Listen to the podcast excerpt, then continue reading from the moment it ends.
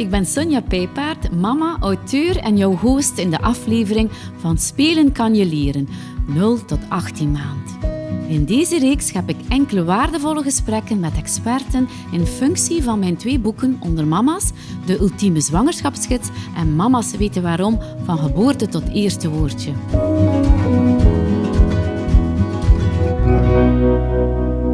En vandaag hebben wij Kim Maasstede te gast. Zij is een speelgoedexperte en legt in deze podcast uit welk effect speelgoed geeft op de ontwikkeling van jonge kinderen. Luister dus zeker mee.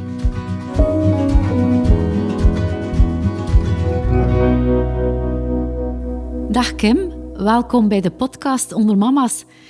Jij werkt in de thuisbegeleidingsdienst Accent Spermali Brugge onder VZ2 de Kade. En vandaag gaan we wat dieper in op de topics spelen, speelgoed, speeltips voor kinderen van 0 tot 18 maanden. Wij begeleiden kinderen, baby's, kinderen, jongeren met een visuele en of meervoudige beperking. Zelf werk ik in de groep van 0 tot 6-jarigen en door de jaren heen bouw je wel een zekere expertise op. Jij bent ook mama, alleenstaande mama van twee kindjes, Leon en Lola. Daar heb je heel wat belevenissen mee met die twee.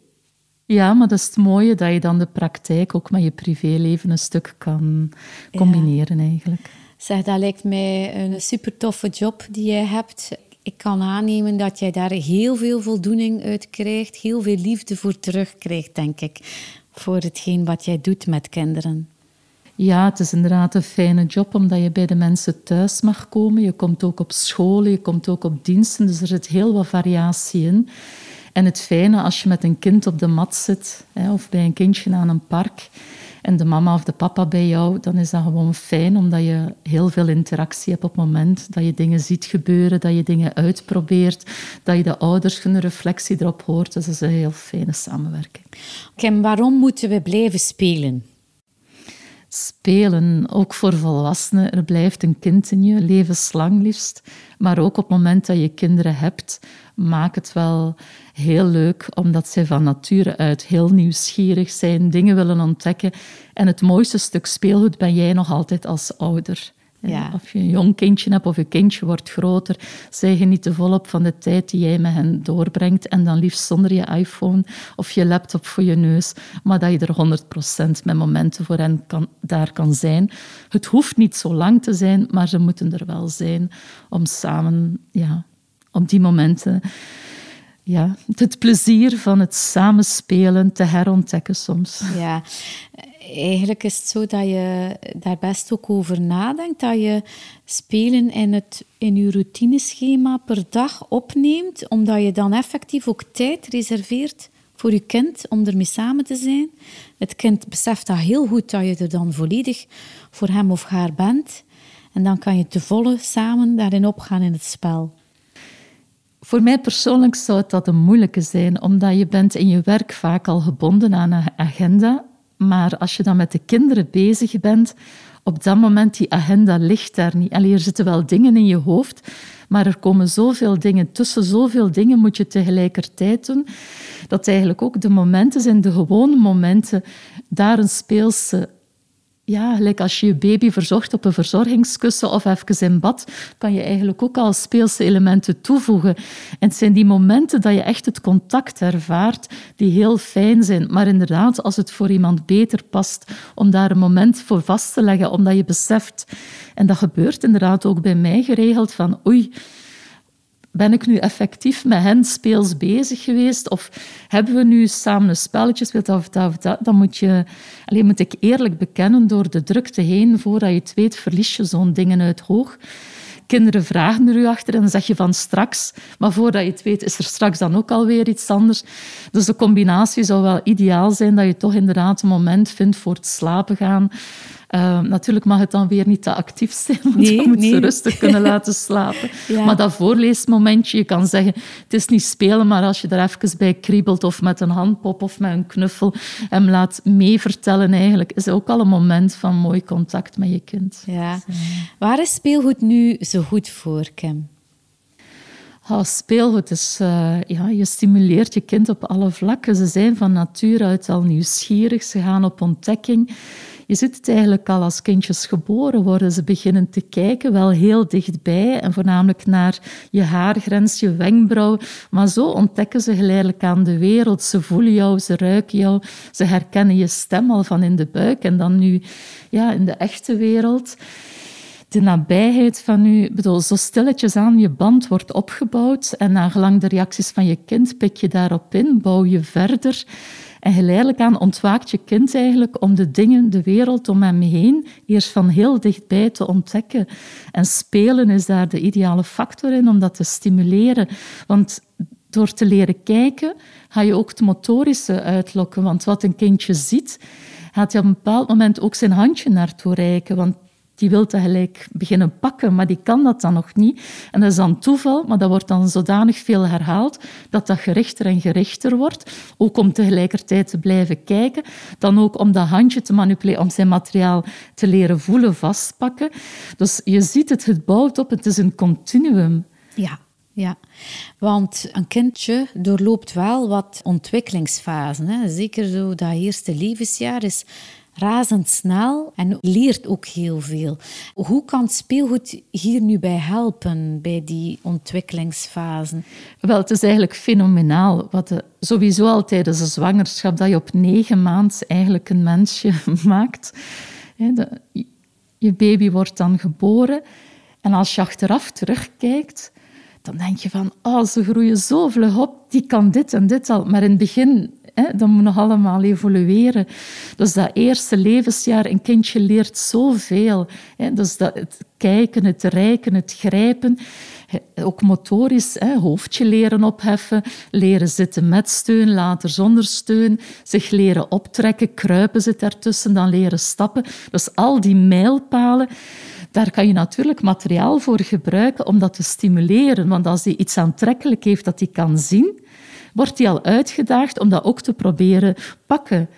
En geleidelijk aan wil hij dat dan ook naar zijn mondje in zijn mondje stoppen, omdat de wereld verkennen is ook de dingen naar de mond brengen. De textuur van het materiaal, de smaak, er zit daar zoveel in voor kinderen. Dat is het voordeel dat wij in een maatschappij leven waar dat er heel veel spelmateriaal voorhanden is, waar dat je eigenlijk voor elke levensfase bijna een overaanbod aan materiaal die ook soms modegebonden is bijna, bij wijze van spreken, waardoor dat voor ouders ook moeilijk is dat je keuzestress kan krijgen. Ja, en ook wetende, het is ook verhankelijk, omdat het gaat vlug en je koopt mooie en vaak ook duurdere dingen die eigenlijk beperkt in tijd bruikbaar zijn, die op dat moment wel een functie gehad hebben, maar op een bepaald moment je kindje ontwikkelt verder. Dus dan gaat bepaalde dingen gaat hij geen interesse meer hebben, die is daar voorbij. En ook al is dat dan nog heel mooi en duurzaam, maar toch, je kindje heeft nood aan iets nieuws, aan iets uitdagends om weer verder geprikkeld te worden. Eigenlijk ben je als, als ouder of begeleider een hits, hè?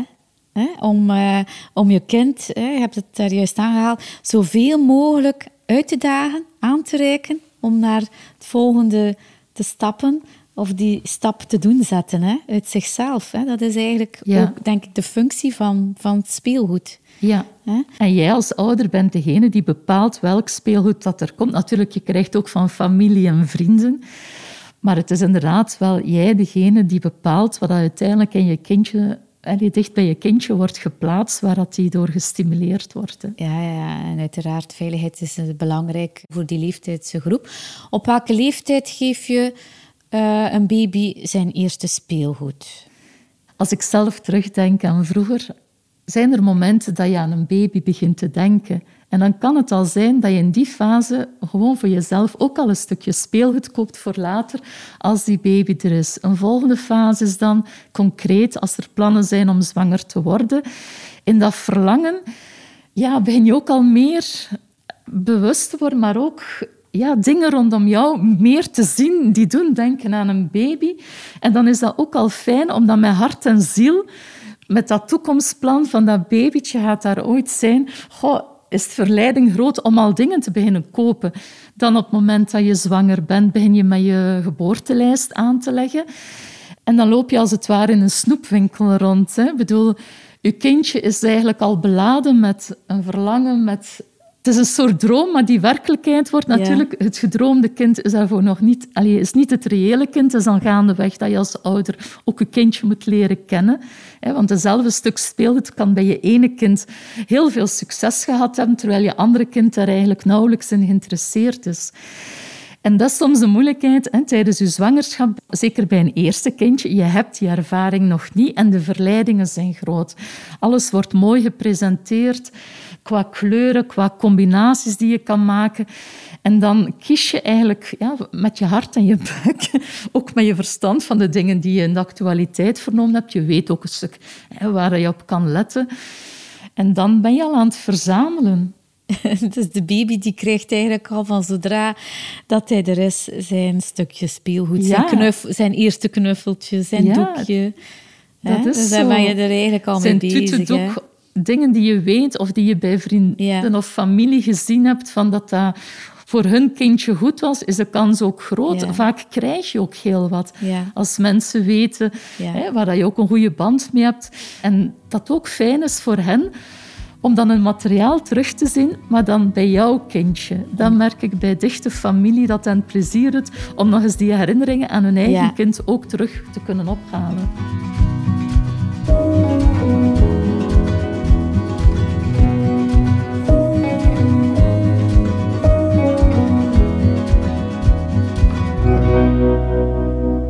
Zijn er milestones waar jij vooral op let, Kim? Je moet daarmee opletten, omdat milestones, dat eigenlijk een stuk op statistieken gebaseerd. Maar je hebt een variatie. Hè? Bijvoorbeeld op zoveel maand, zes maand, zitten met steun, bijvoorbeeld. Maar het ene kindje is daar vroeger in en het andere later. En als je ja, u daar te veel op fixeert, kan dat ook frustrerend zijn. Hè? Want je kan je zorgen maken die overbodig kunnen zijn. En vandaar zou ik zeggen, het is heel belangrijk van de interactie met je kind, stap voor stap. Je daagt een kindje uit, hij daagt jou ook uit. En pik daarop in. Wat zie je dat je kindje al kan? Dus nodig je kind uit om een stapje verder te gaan maar niet zien dat je in die frustratiezone zit, alhoewel dat je soms ook wat frustratie moet hebben, omdat we dan nog meer gemotiveerd zijn. Dus opletten met die milestones, zoals eh, in de actualiteit. Of, ze, zijn, ze zijn er wel, ik bedoel, het heeft je een handvat, maar het mag niet... Ja. Het, is, het, is geen, het is geen wedstrijd. Het is zeker geen wedstrijd. En als je bezorgd bent, neem jezelf ook serieus. Praat erover. Bijvoorbeeld met je eigen ouders, met je broers, met je zussen die al kinderen hebben, bijvoorbeeld vrienden. En heb je nog zorgen, twijfel niet aan, vraag na bij de pediater, bij kind en gezin, bij je huisarts. Er zijn mensen rondom u die je kunnen geruststellen. Of juist kunnen geruststellen omdat ze jouw bezorgdheid serieus nemen. En dan merken wij ook in de thuisbegeleiding dat het belangrijk is dat jij als ouder gehoord wordt. Bereikt je kindje een bepaalde milestone nog niet, gelijk dat jij gedacht hebt en je hebt gewacht en je probeert van alles. Ik bedoel, vraag het na bij mensen die ervaring hebben, die er expertise rond hebben, om jou gerust te stellen of om jou juist verder te verwijzen om te laten opvolgen. En dan, want we hebben geen glazen bol. En de steun die je ondertussen hebt, eh, is echt wel een steun. Ja, absoluut. Welk speelgoed kan helpen of is leerrijk voor kleintjes? Gebruik je ook de term educatief speelgoed? Wat zijn de voordelen dan als je dat, die term al dan niet gebruikt of niet? ik was eerder aan pedagogisch verantwoord speelgoed. Dat is ook zo'n term die die vaak gebruikt wordt. Is dat beter pedagogisch verantwoord dan educatief? Bij ons is natuurlijk als pedagoog... Ja, ja, ja. ja. je, bedoel, je hebt dat mee vanuit je opleiding. Ja. Dus je combineert het altijd. Je kijkt het ruimer dan louter speelgoed. Ik bedoel daarmee... Iemand die speelgoed ontwerpt, dan is technisch. Terwijl pedagogisch, dat zie ik van in het dagelijks leven, gecombineerd met opvoeding. Want je kan bijvoorbeeld zeggen, de tablet voor baby's is ook heel aantrekkelijk. Maar dat wil niet zeggen dat je dan je baby voor de tablet de hele tijd gaat zetten. Je kan het gebruiken. Het is visuele stimulatie en ze willen daar ook naar pakken. Ze kunnen ook actie-reactie. Maar natuurlijk, een knuffel die ze naar de mond kunnen brengen, er mogen aan likken leren en bijten. Eraan ruiken, dat is nog iets anders. Dat kan een tablet niet vervangen. Een filmpje van een stuk speelgoed is niet hetzelfde als een stuk speelgoed mogen vastpakken en ja, daar van alles mee doen. Dat zintuigelijke is toch wel belangrijk bij die leeftijdscategorie. Dat leren ontdekken, dat gebeurt toch grotendeels nog met de zintuigen? Zeker, zeker. Zeker, want dat is geen... Als een kindje geboren wordt, allez, eigenlijk in de buik al zeggen ze al van de autonomie, hè, dat als je een lichtje op je buik, dan mogelijk hè, babytjes daar naartoe kunnen komen. Ook dan ze stemgeluid al kennen. Ook je geur. Als bijvoorbeeld een kindje onrustig is, dan soms aanraden bij het slapen ook een t-shirt van u. Ja. Die jij misschien bij wijze van spreken was te gooien. Van nee, leg het bij je kindje. Het ruikt naar u, het geeft je kindje rust. Ja. Dus die zintuigen, ook de tast, het voelen. In het begin is het via de mond, dat kindjes voornamelijk ook een tastzintuig. En dan verfijnt dat ook naar de handjes om de dingen te ontdekken. En wij gaan daar automatisch ook al op inspelen door te kijken naar zachte materialen. Je gaat geen harde, ruwe dingen aan je baby geven, maar toch is het belangrijk dat het niet alleen zacht is. Want ze moeten ook de verschillen leren ontdekken. En die zintuigen, allee, wij merken dat ook bijvoorbeeld kindjes met een visuele beperking of een visuele ja, probleem dat ze bijvoorbeeld een achterstand hebben in hun visuele ontwikkeling, dan merk je dat hun auditief, dus hun gehoor, veel sterker ingesteld is als compensatie en ook de tast. Bijvoorbeeld kindjes die niet kunnen zien, blinde kindjes, gaan inderdaad in plaats van ooghandcoördinatie, gaan zij oorhandcoördinatie doen. Ze horen niets en gaan ze zich daar naar, naar rijken. Een baby moet alles kunnen combineren, maar als één kanaal minder kan gebruikt worden, zijn de andere kanalen het om het te versterken. Dus eigenlijk, ehm, vroeger dacht men, een baby die is eigenlijk niet slim, eerder een beetje dom. Wij moeten hem eigenlijk slim mm. maken, maar eigenlijk is dat achterhaald. Want een baby wordt echt wel geboren met de zintuigen die toch al op een bepaald niveau functioneren om hem te helpen juist, om die stappen te mm. zetten gedurende die eerste levensfase, denk ik toch zo. Hè? Ja, gelukkig wordt er inderdaad meer en meer aandacht aan babytaal besteed, want dat is lichaamstaal. Ze kunnen het jou niet vertellen, maar ik herinner mijzelf een mooi moment bij mijn kindje toen ik door begon te krijgen als die lag te slapen. En ik wou die wakker maken. Alleen mijn baby draaide zijn handje naar buiten alsof hij wou zeggen van wacht nog even, laat mij wakker worden. Want anders schrikt hij vaak. De eerste keer dat je niest voor een baby, die kijkt jou verstrikt aan. Ja. Dus als ze slapen ook van maak ze zachtjes wakker, kijk hoe dan ze reageren. Want eigenlijk herken je dingen van jezelf. Jij wordt ook niet graag brusk uit je bed genomen. Jij wil je ook je ogen open doen, je eens uittrekken, nog eens draaien. Een baby is gelijk ons, maar veel kleiner en ja, moet nog zoveel leren. Maar ze hebben in zich, normaal gezien als alles goed gaat, al alles aanwezig om verder te ontwikkelen tot ja, uiteindelijk een volwassene gelijk ons na zoveel jaren. Er is eigenlijk nog, nog veel te ontginnen, denk ik zo, die babytaal. Uh, maar vind dat we toch eigenlijk al een mooie evolutie aan het maken zijn om daar vooral zeer aan, aandachtig en zorgzaam mee om te springen. Hè? Want dat is wel iemand al, die baby. Hè? En het is vooral belangrijk gewoon dat proces goed te begeleiden, te zien dat dat, dat, dat een baby is, een persoon met een, met een eigen tijdlijn, met een eigen evolutie, dat dat een uniek iets is en dat jij eigenlijk als ouder, begeleider, de gids bent om de baby te begeleiden. Hè? Ja, want dat is ook een verschil met vroeger. Als een baby huilde, werd er gekeken. Hè, ze pamper, moet de pamper ververst worden. Heeft je kindje honger? Dat is het eerste, dan de pamper. Ja. Heeft je kindje koorts? Ja. Maar geleidelijk aan, de laatste jaren, is het ook meer van... Ja, misschien wil je kindje gewoon contact hebben. Voelt hij zich eenzaam op dit moment? En ik vond dat een hele mooie, die mind switch daarin. Van eigenlijk wil je baby misschien ook iets anders vertellen. Wilt hij jou jou nu bij zich hebben, maar die kan dat nog niet vragen.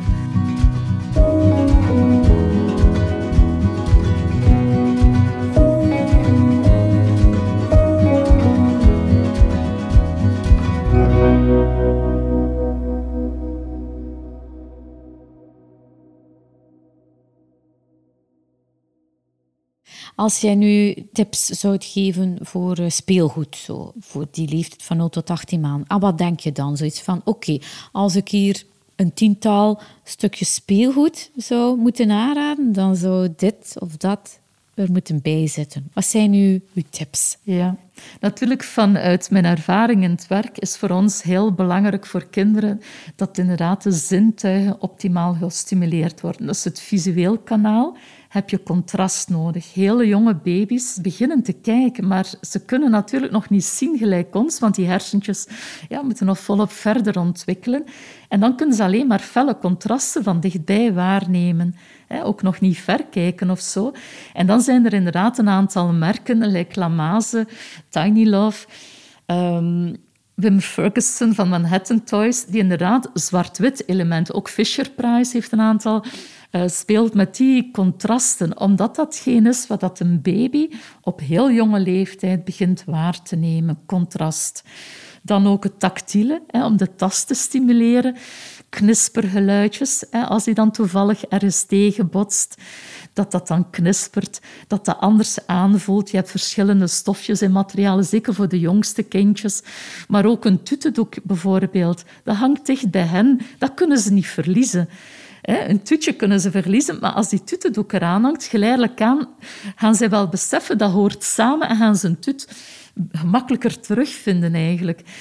Dus ja, er zijn heel wat dingen waar je op kunt letten.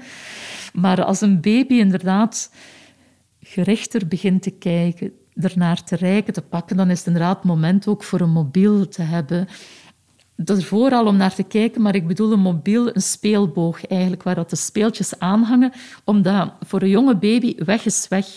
Terwijl als die speeltjes eraan hangen, hij gaat er toevallig tegen botsen en dan gaat dat bewegen. Dus ondertussen zijn ze aan het kijken, ze zijn aan het voelen, ze zijn aan het oefenen, een motoriek, hè, om daar gericht naar te leren grijpen. En het kan niet weg, het blijft hangen. En dat is wel een belangrijke gezichtswaarneming in de jonge leeftijd. En voor de zes maanden is heel belangrijk, de gezichtsdriehoek. Vandaar ook belangrijk dat je als ouder dicht bij je kindje er veel mee praat.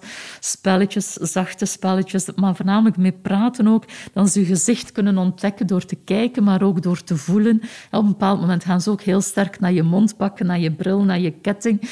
Wij raden soms aan, op een speelse manier aan de ouders, van ja, als wij bijvoorbeeld voor de kindjes met visuele beperking zwart-wit patronen aanraden, zou jij ook een t-shirt kunnen aandoen met felle kleuren, streepjes erop of bolletjes. En dan ga je zien als je baby bijvoorbeeld aan de borst ligt, die is vaak ondertussen aan het kijken, aan het voelen.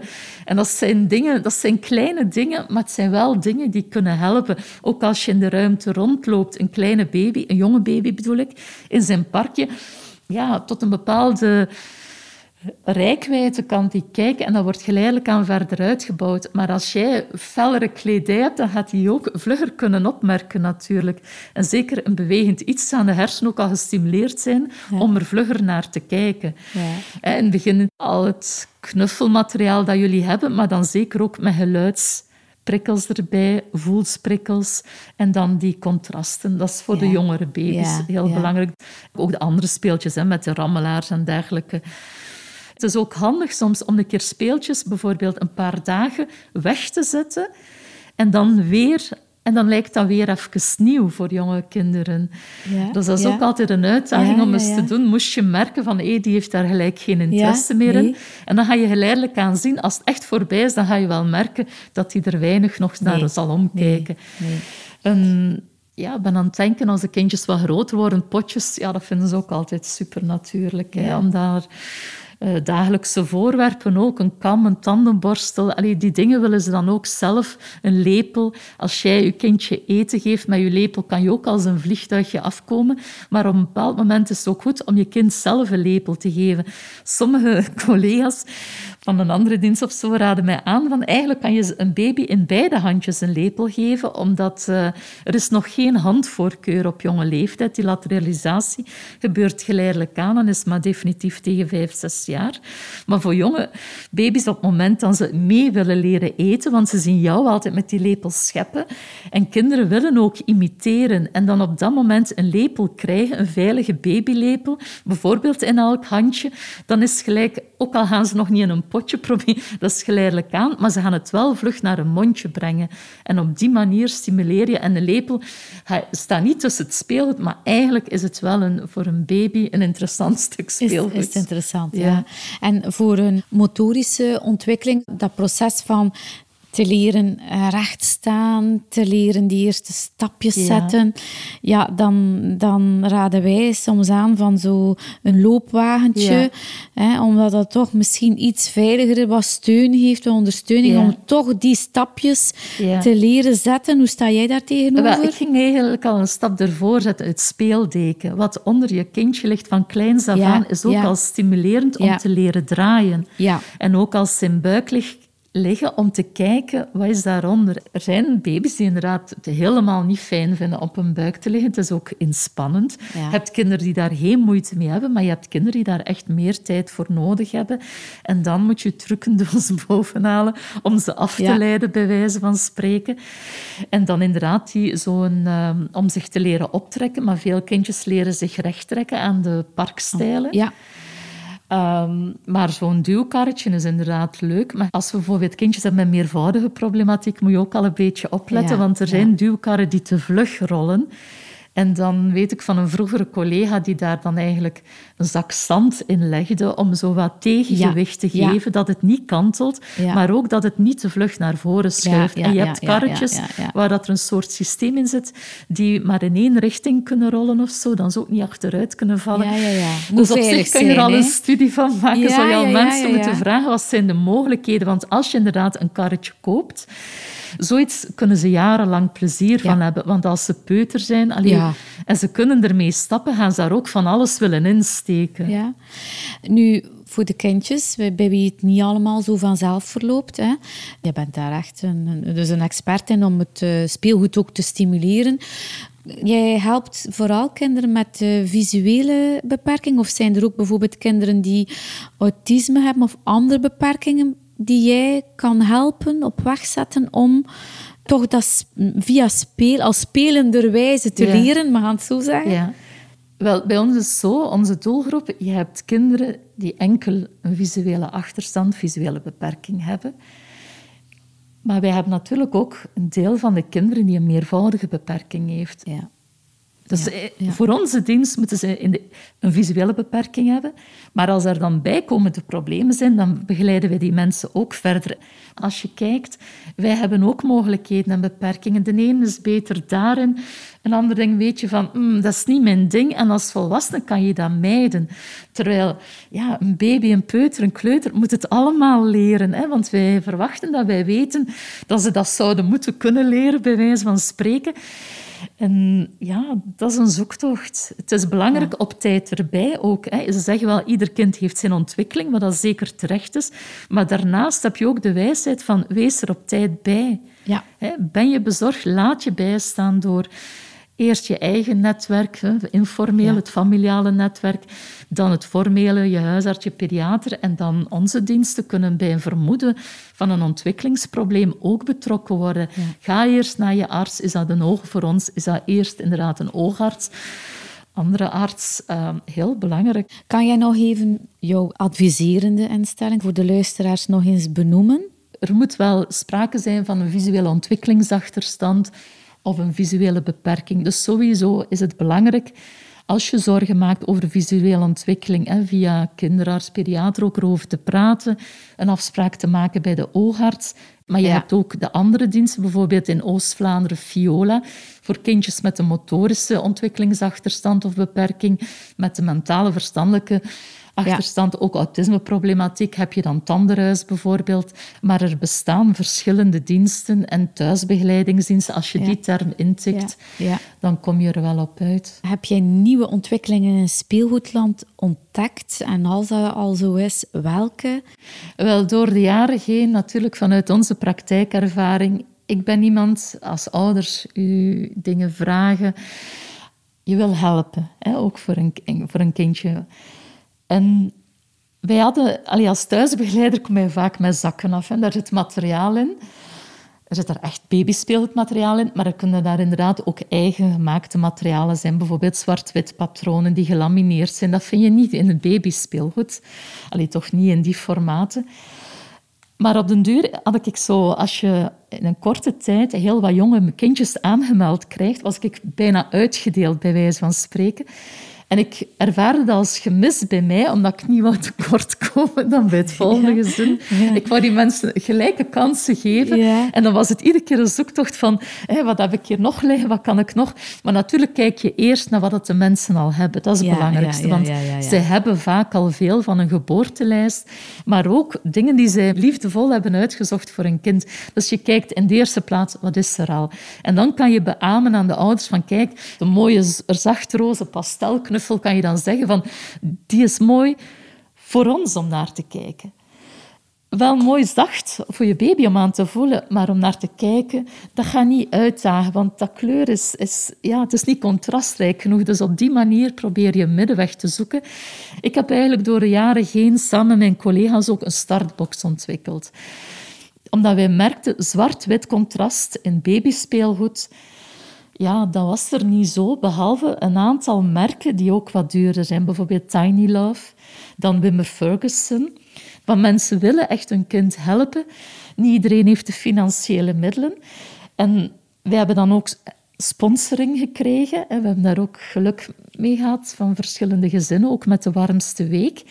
En dan ben ik eigenlijk startboxen gaan samenstellen. En daar zitten inderdaad die materialen in. Maar in die startbox, wat zit daarin? Inderdaad fluo-kaarten, omdat dat fel contrast is. We hebben dan ook zwart-wit patronen gelamineerd. En met velcro dat je dan tekeningetjes kan afwisselen. Want het is heel belangrijk, wat je uitleent moet ook verzorgd zijn. Het moet aantrekkelijk zijn voor de ouders. Want als de ouders niet mee willen, sta je nergens. Het is zij die ons een mandaat moeten geven van kijk, wij willen dat gerust proberen. Als jullie denken, want dat zeg maar, dat dat zou helpen, dat dat beter kan zijn, willen wij dat gerust proberen. En in praktijk merk ik vaak dat die boxen maandenlang uitgeleend zijn. En nadien krijgen ze, want dat is de afspraak, even verzorgd terug. Want wij zouden dat dan graag verder uitlenen, want dat materiaal is niet kapot. Ja, ja absoluut. Dus daar, dat is uw dagelijkse eh, liefde hè, voor, voor uh, speelgoed. Daar ben je eigenlijk, denk ik, bijna dag en nacht uh, mee bezig. Dag en nacht, maar het is, ja, je bent er al, als je al meer dan twintig jaar in het werkveld staat ja. en ondertussen ook zelf met je kinderen of zelf ja, de kinderen in je familie waar je bij gebabysit hebt. Bedoel, je leert met vallen en opstaan. Dat is nog altijd zo, rond speelgoed ook. Wij hebben veel praktijkervaring, maar ook dan, je moet ook kijken naar de persoonlijkheid van je kind of eventueel dingen die pas later duidelijker gaan worden van waarom had je kindje daar geen interesse in. Om dan in een latere fase toch iets mee te doen, hè? Ja, later wel. En lijkt met puzzelen was hetzelfde. We hebben sta stapel puzzels, maar die hadden toen ook geen succes. Maar inderdaad, dan wat later. En ze hebben zij daar dan ook nog wat van kunnen genieten, maar niet gelijk... Uh, ja. die zijn niet versleten, die zien er nog uit als nieuw. maar dat is ook, als je degelijk materiaal koopt, kan dat ook meerdere levens aan. Hè. Dus ja, je zit met kwalitatief materiaal dat je kan hergebruiken. Ja, dat, dat is toch wel ook een van de boodschappen dat je nu al uh, toch al vaak hebt aangehaald van uh, hergebruik. Eerst en vooral als je iets aankoopt, koopt uh, kwalitatief speelgoed aan, hè, dat je ook kan hergebruiken, dat je, kan, kan doorgeven. betalen, hè, koop je het dan nieuw of koop je tweedehands? Ja. Maar ik merk dat heel wat mooie dingen ook tweedehands verkrijgbaar zijn. En ook voor het werk zoeken we daar een middenweg in. Ik kijk geregeld ook een keer van, ja, dat je... Ja, bijvoorbeeld voor baby's, dat gaat zo vlug voorbij. Ja. Like speelbogen zijn niet versleten, zijn niet kapot. En dan staan ouders ermee. Ben je van plan voor nog een kindje? Gooit dat niet weg. Nee. Houd dat, want die gaat er ook ja, plezier aan kunnen hebben. Nee, maar ik volg daarin. Maar ik ga vooral ook altijd uit, al, al meer dan twintig jaar. Als iets kwalitatief en duurzaam is, heeft het een tweede leven of een lang leven. Ja. En uiteindelijk is dat, is dat een goed gedachtegoed. Want speelgoed moet vooral ook veilig zijn en moet een bijdrage leveren tot de ontwikkeling van een kind, vind Ja. ik. Hè? En als het kwalitatief is, dan gaat het lang kunnen gebruikt Mhm. worden. Is het niet alleen in het ene gezin, dan zal het doorgaan naar een ander gezin die er even gelukkig mee is. Ja. Ik vind het toch wel belangrijk Ja. en ben blij dat je dat eigenlijk ook wel eh, bevestigt dat dat uiteindelijk wel belangrijk is om toch uh, niet zomaar alle soorten speelgoed uh, nee, op een hoop te gooien. Nee, hè? ik vind het heel belangrijk dat je eigenlijk een keer gaat liggen naast je kindje om te zien wat ziet hij. Want je hebt een aantal uh, speelbogen. Als je kindje eronder ligt, het mooiste is als je ervoor zit. Maar als je kindje nog niet kan zitten en ligt, dan moet je echt eigenlijk ja, van de onderkant uit het mooie kunnen zien. En dan merk je dat daar bepaalde merken bewust van zijn en andere dan niet. Dus ik zou zeggen, probeer eens met je hoofd naast je kindje te liggen om te zien wat ziet mijn kindje. Daar moet je wel aandacht aan besteden om hetgeen wat je koopt ook te bekijken vanuit het perspectief van je kind. Hè. Is het een kindje dat ligt? Is het een kindje dat kruipt? Is het een kindje dat al probeert van recht te staan? En je wilt hem triggeren om juist dat niveautje hoger te mhm. bereiken, moet je wel vanuit het perspectief van je kindje dan uiteindelijk alles gaan bekijken. Hè. Zijn favoriete speeltje op de salontafel staat of in de zetel, gaat hij inderdaad meer moeite doen om het te proberen pakken als hij het ook kan. Ja, ja, ja, ja. Kim, um, we zijn hier al een heel tijdje aan de praat. Ik zou nog heel veel willen vragen aan jou. Maar mijn laatste vraag. Wat is jouw gouden tip voor de luisteraars? Ik denk wat jij er net samengevat hebt. Die ontwikkelingsmijlpalen. Ja, zet er geen datum op, bij wijze van spreken. Maar speelt er wel op in, want je stimuleert je kind om die mijlpalen ook te bereiken. Ja. Want ze zijn belangrijk. En het visuele kanaal is daar inderdaad zeer belangrijk in. En als het visuele kanaal beperkt is, door welke reden dan ook, zou ik zeggen van weet, er zijn nog zintuigen, gebruik die ook, gebruik de geluiden, gebruik de tast, maar inderdaad op een veilige manier. En kijk, speel mee op het niveau van je kindje. Zet u zoals je kindje, probeer het u voor te stellen. Want wij zijn grote mensen, hè, kijken vanuit vogelperspectief, maar zet er u naast en kijk ook een keer mee vanuit kikkerperspectief, bij wijze van spreken. Ja, ik, vind, uh, ben daar eigenlijk mee akkoord. Ik vind het een mooie samenvatting. Ik, uh, dank je dus eh, heel hartelijk, Kim, voor dit superleuke en speelse gesprek. Hè? En vooral je waardevolle en, en leuke speelgoedtips. En voor degenen die luisteren, die weten weer wat te doen. Met de kleintjes lekker meespelen, al liggend. want dat is eigenlijk goed voor het hele gezin, voor iedereen. Wel, ik vind het fijn het is een uitdaging, maar het is fijn dat jij al zo ja, een aanzet gegeven hebt en dat ik er inderdaad iets mag toevoegen. Mama's, bedankt om er opnieuw bij te zijn in deze aflevering van Onder Mama's. Van spelen kan je leren, 0 tot 18 maand. Volgende keer zijn we er opnieuw met een nieuwe aflevering en bespreken we de hormonale rollercoaster van de vrouw samen met experte vruchtbaarheidsbegeleiding Rebecca Verhofstede. Vergeet zeker niet om je te abonneren op onze podcast en een kijkje te nemen op ondermamas.be voor extra warme content van zwangerschapswens tot kindertijd. Tot de volgende keer!